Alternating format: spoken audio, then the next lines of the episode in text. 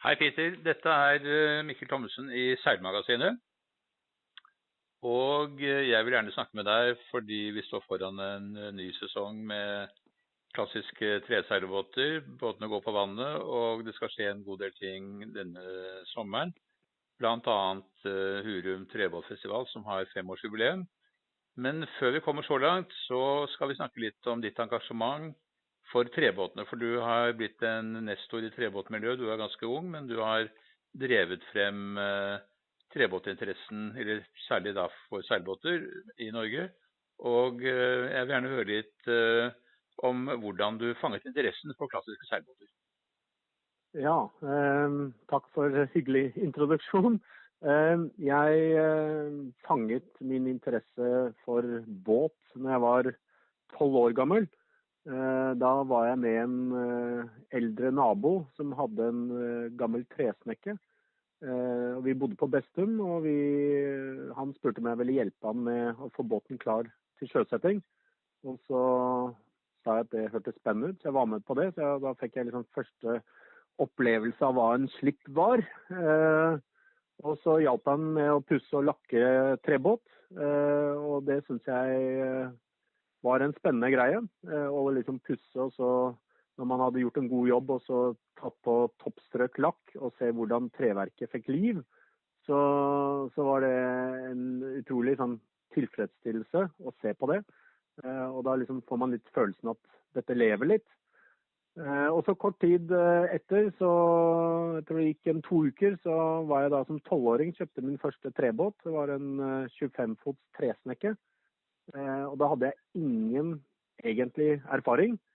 Eh, men mine foreldre sa OK. Jeg betalte med mine sparepenger, som var 5000 kroner. Eh, kjøpte denne snekka, og så viste det seg selvfølgelig at motoren var ikke i orden. Og skroget var heller ikke helt bra. Så jeg hadde kanskje kjøpt noe som ikke var det beste, men sånn lærer man. Og på den tiden, dette var da midt på 80-tallet, så var det mange tidligere sjømenn som vanket på slippen. og Da så de en sånn tolvåring som drev og prøvde å mekke båt. Eh, og Da kom jeg i kontakt med både gamle båtbyggere eh, og mekanikere. Så etter hvert så fikk jeg et sånn team rundt meg med pensjonister eh, som syntes det var kjempekult at en ung gutt hadde lyst til å få denne båten på vannet.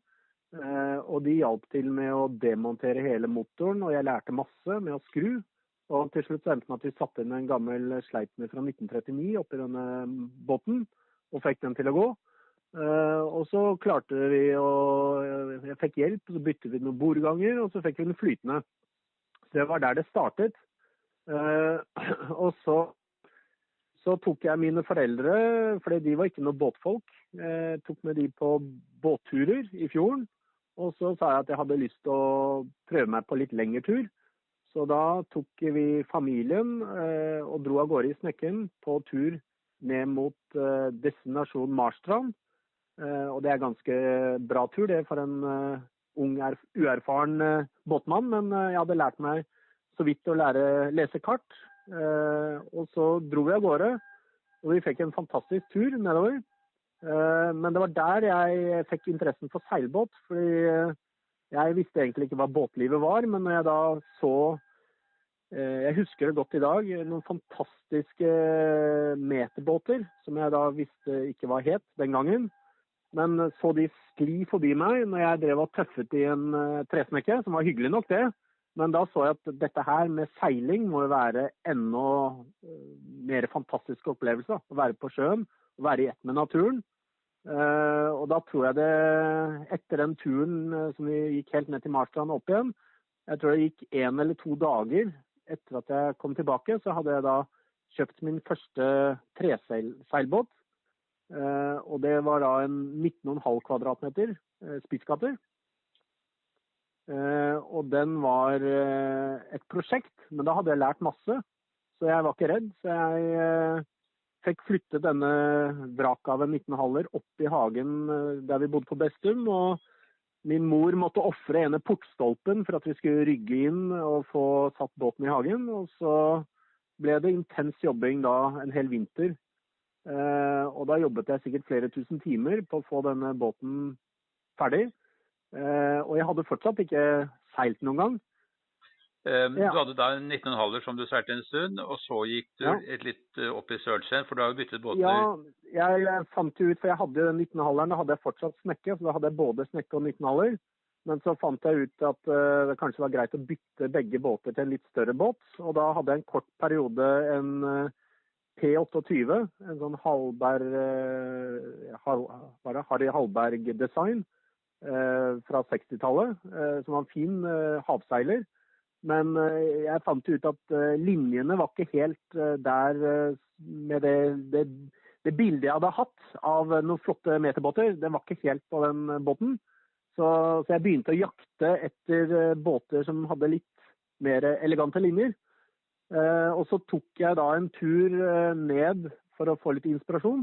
Så husker jeg tok en tur ned til Risør trebåtfestival og dette her var eh, Det må ha vært i 1988, så det var ganske, festivalen ganske fersk. Eh, og da husker jeg at jeg så tolvmeteren Dansøs lå på, på vannet, nyrestaurert, på Risøy Uh, og det er klart at hvis man er interessert i båt og ser noe sånt, så blir man i hvert fall ikke mindre interessert. og da husker jeg jeg fikk lov å gå om bord og hilse på eierne. Uh, og da, liksom, da var jeg ganske solgt. Da skjønte jeg at det er noe sånt jeg må få tak i etter hvert. Uh, og så dro jeg hjem, og så fant jeg da en uh, timeter som hadde stått ti år på land på Lysaker. som egentlig ingen visste noe særlig historie om. men ja, jeg tenkte at dette her er i hvert fall en mulighet. Og ja, det var et ekstremt prosjekt, da, for den hadde vært sånn halvveis dekket. Dekket var pill råttent. Eh, det vokste planter gjennom båten, for den hadde stått uten store sprekker. Så liksom, den var ganske bedrøvelig stand. Men eh, brettet opp armene igjen og tenkte dette har potensial. Eh, og det ble da mitt store prosjekt i mange år fremover. Da snakker, vi om, om Gavotte, ikke sant? Gavot, ja. Og den eide jeg da til sammen i 17 år. Eh, men eh, det var da jeg fikk min eh, kanskje første kontakt med treseilbåtmiljøet i Norge. Fordi da hadde ryktene gått at det var en unggutt, for da var jeg blitt 15 år, som hadde kjøpt en timeter. Og da kom jo, som senere ble kjent med, da, så var det jo Arve Eriksen og Bengt Danielsen og de etablerte kom jo da ut til Lysaker for å se, sånn sett. Eh, og så sa jeg til alle sammen at jeg planla å ha sjøsetting midten av mai. Og så fikk jeg sånn svar hvilket år. Og så sa jeg nei, nå, nå, til året. Og da hadde jeg liksom begynt å jobbe i februar. Så det er klart at eh, da skjønner man at man ikke har så god tid. Men øh, jeg fikk mye hjelp av mine venner etter skoletid. Øh, og jobbet lange dager for å få båten mot sjøferdig. Og 20. mai det året så fikk vi faktisk gavott ut på vannet. Eh, og da måtte vi ha hjelp av Redningsselskapet med svære brannpumper og sånn, for den båten måtte jo trutne skikkelig. For det var store sprekker.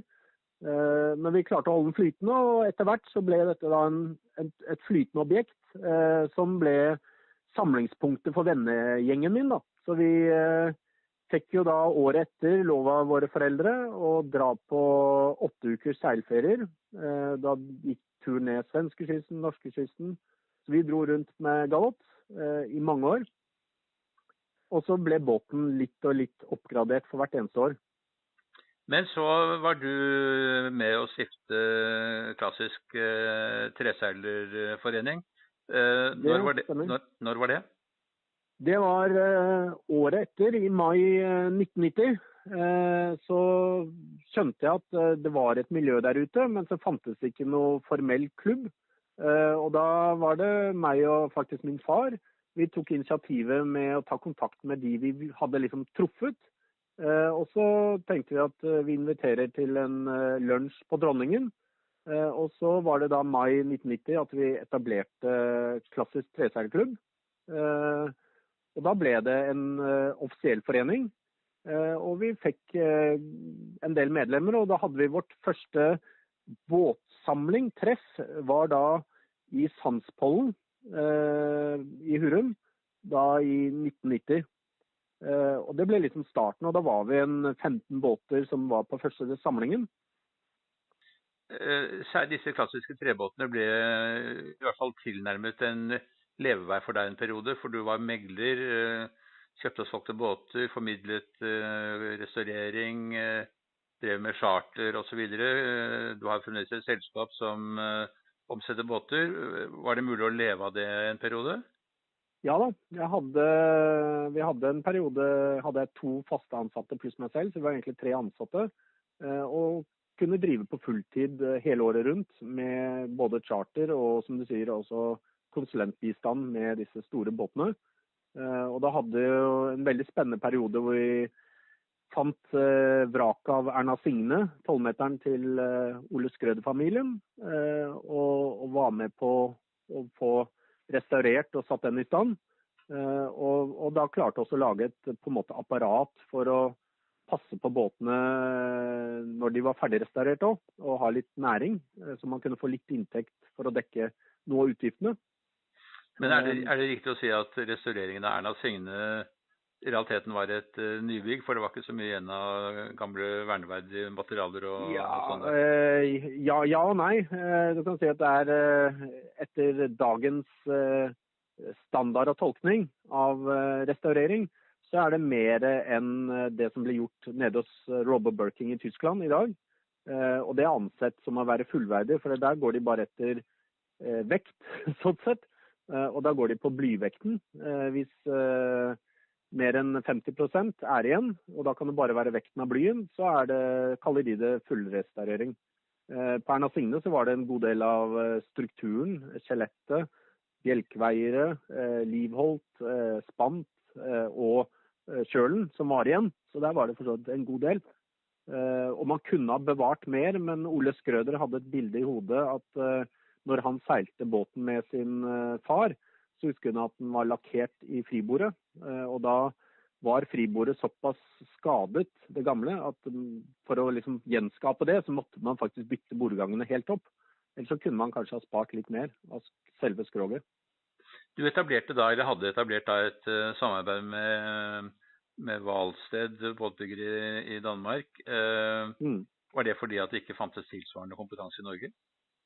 Ja. det var, eh, Jeg sier ikke at det ikke finnes kompetanse i Norge, eh, det er helt feil å si. Men eh, hvis du skal gjøre større prosjekter, så på en måte mangler den der gjennomføringsevnen da, med flere kompetente på en måte både møbelsnekkere, ingeniører, alle sammen på en måte under et hus, eller som er vant til å jobbe sammen. Det er vanskelig å få til i Norge, men i Norge så finner du enkeltvis gode båtbyggere. Eh, men skal du få til et sånt stort prosjekt sånn som Erna Signe eller VMA var i sin tid, så trenger du kanskje På det meste så var det jeg tror det var 16 stykker som jobbet på Erna Signe-prosjektet samtidig. Eh, og det er klart at eh, da, ja, da tømmer du stort sett alt av båtbyggere i Norge. Og det er klart at disse i Danmark er vant til å jobbe sammen. Så vi valgte Valsted da som en sikker kvalitet da, når vi skulle gjøre prosjektet der. Men du var også sentral i restaureringen av åttemeteren Carmen, som var den første ferdigklassen. Fortell litt om det prosjektet. Ja, Det var også spennende. fordi det var, eh, Når man er interessert i disse båtene, så følger man rundt på alle slipper og sånn. og Da fant vi også Carmen-vraket ute på Gressholmen. Eh, og så fulgte jeg med den båten i flere år, og så så den bare lå der. Og så til slutt så fant vi ut hvilken båt det var, og da fikk vi høre at uh, dette var en gammel åttemeter. Og at den hadde vunnet første ferdseilasen i 1947. Eh, og om ikke den seilasen var viktig sånn sett, idrettslig eller sportslig, så var det helt klart at det var helt avgjørende for at den båten ble reddet. Eh, fordi da fikk vi med havnevesenet i Oslo til å sponse flyttingen av båten eh, fra Gressholmen bort til Lysaker. Og så var jo det startgropen for å bygge opp et kystkultursenter på Lysaker. Eh, uten Carmen hadde ikke det skjedd. Eh, og så fikk vi med Seilas eh, som støttespiller, og vi fikk med Kystkultursenteret i Vollen. Og det var flere som bidro, da. Det var kjempebra. Og da var det KTK som var eier av båten? Det var det. Så, så var KTK som tok hele initiativet, og så, så ble det da etablert eh, Vi måtte starte en båtbyggerskole for å restaurere Carmen. Og da fikk jeg gleden av å være med å, starte det og drifte det. Og da fikk vi etter hvert to ansatte båtbyggere.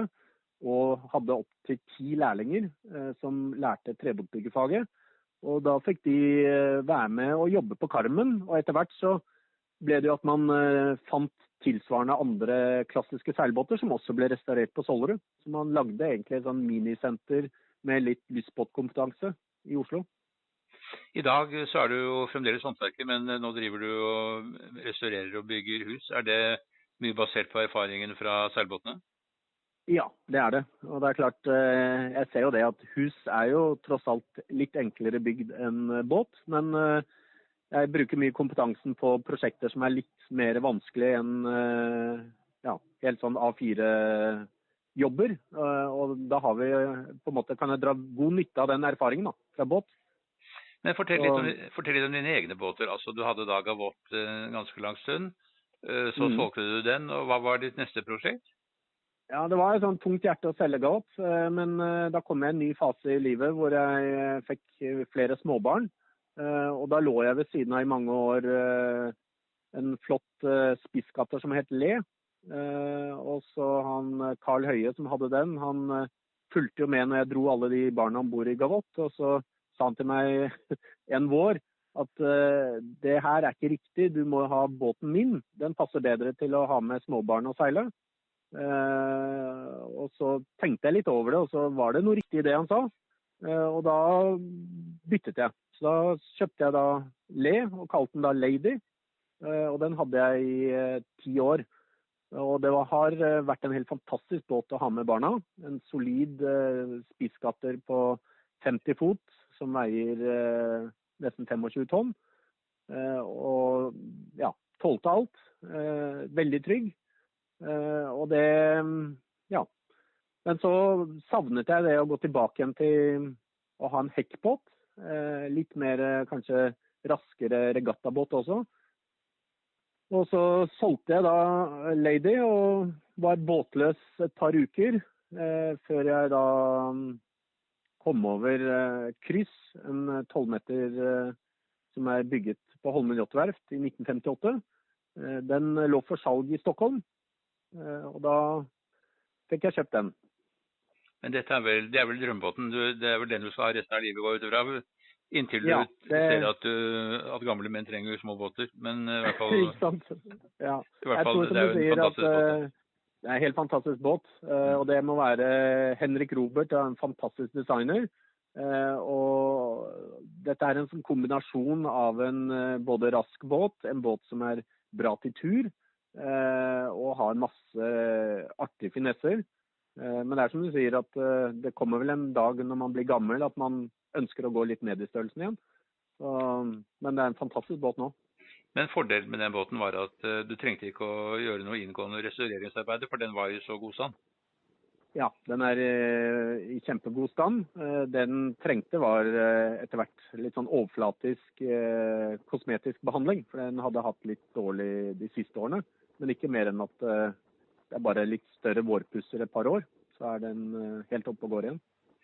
Og, og Chris er en såkalt 12 meter cruiseracer. Det var jo en regel som ble innført etter krigen. For ja. uh, å komme litt bort fra meterbåtene som var lange og smale og ikke så velegnet til, uh, til turseiling. Men, uh, men, som mm. det ligger i navnet her, cruiseracer, så var jo disse båtene ment å skulle kunne kombineres til regatta og turbåt. og Chris var vel den siste av de båtene, men eh, før det så hadde du både Erna, som var en vellykket syv uh, meter cruiseracer, og Soldang, som var ti og en halv meter. Alle tegnet mm. av Robert, og til denne regelen mm. som dessverre aldri slo helt an. Mm. Ja, det er helt riktig. Så, og det finnes også noen av disse cruise racing-båtene i utlandet, men det er ikke sånn veldig utbredt. Det er, uh, men det er veldig fine båter. Men så startet du din egen trebåtfestival, og det må man vel nesten kunne si at eh, Urum trebåtfestival er. Det er KTK som er arrangør, mm. og det, i år skal dere ha femårsjubileum. Eh, fortell litt om ja. planene for femårsjubileet. Ja, eh, den festivalen i år vi, Dette er et samarbeid med Hurum kommune. Men det er helt riktig som du sier, det var egentlig fordi vi skulle feire 25-årsjubileet til KTK fem år siden husker det nå. 19, ja, 25-årsjubileum, var det ikke? Jo. 1914, ja. Ja, ja eller 1990. 2014, mener jeg. Ja, ja, ja, ikke sant. Men i hvert fall vi, vi fikk med oss kommunen til å støtte festival. Eh, og jeg fikk eh, god hjelp fra Frognerkild båtforening. Så fikk vi sponset bryggeanlegg. For det fantes ikke noe i Setre. Men i og med at jeg bor på Hurum, så tenkte jeg at eh, Setre må være et flott sted å ha en festival. Eh, og jeg elsker Risør trebåtfestival, men jeg ser at eh, Oslofjorden er full av trebåter, og det er ikke alle som kommer seg til Risør. Og Da tenkte vi at det var eh, riktig å på en måte lage en festival også inne i fjorden. Eh, og da tidlig på året, eh, når båtene er helt nylakkerte og fine når de går på vannet. Og jeg tror i hvert fall det har fått en del tilbakemeldinger, var at det er en del som sliter også med å bruke ferieuker på å dra på festival. Så det at man tar en helg, så er det litt lettere for i hvert fall mange båtfolk å komme. Så, så, vi startet som du sier fem år siden og hatt en opplegg at dette skal være båtfolkets festival, eh, hvor vi har eh, regattaarrangementer alle dager og lager hyggelige frokoster eh, til alle som er med. Og også sosiale arenaer med middager og litt foredrag og sånne ting. Og det blir det også i år.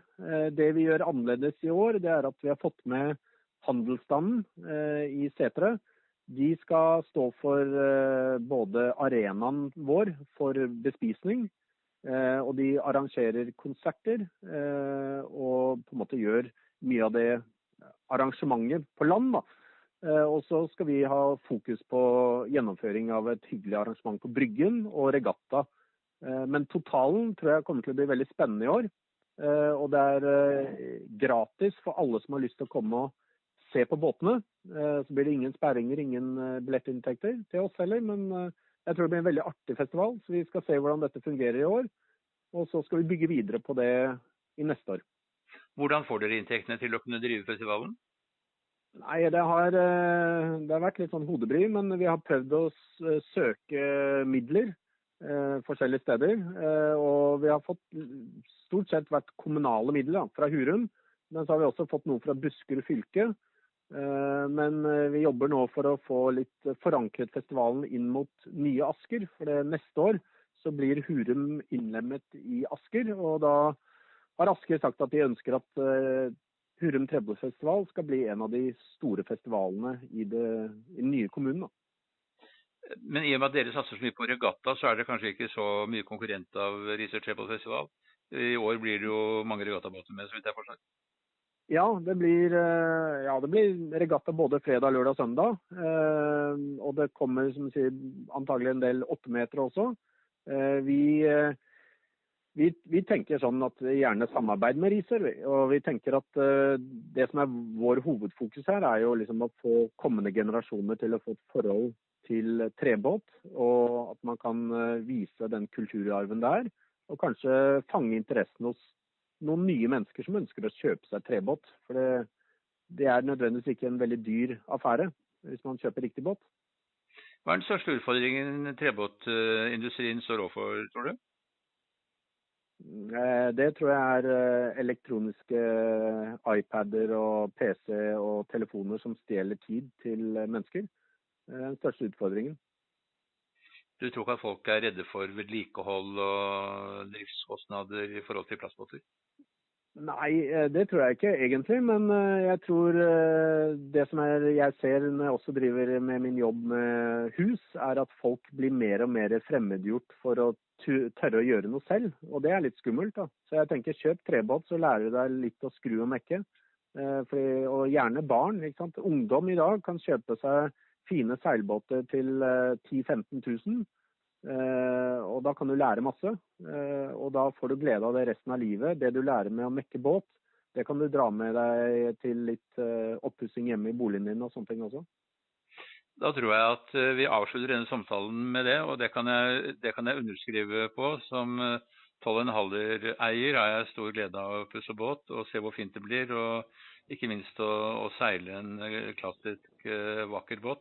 Så jeg ønsker deg lykke til både med din egen trebåtseilertilværelse og med festivalen på Hurum, som eh, jeg er sikker på vil slå an i området. Og særlig når Asker kommer inn, så, så er det en fin måte å markere Asker og, og kommunens langvarige historie i, i trebåtbygging med Anker Jensen, Børsholmen, Holmen Offset og disse verftene i Oslofjorden. Takk for samtalen. Ja, tusen takk. Ha det bra. Ha det bra.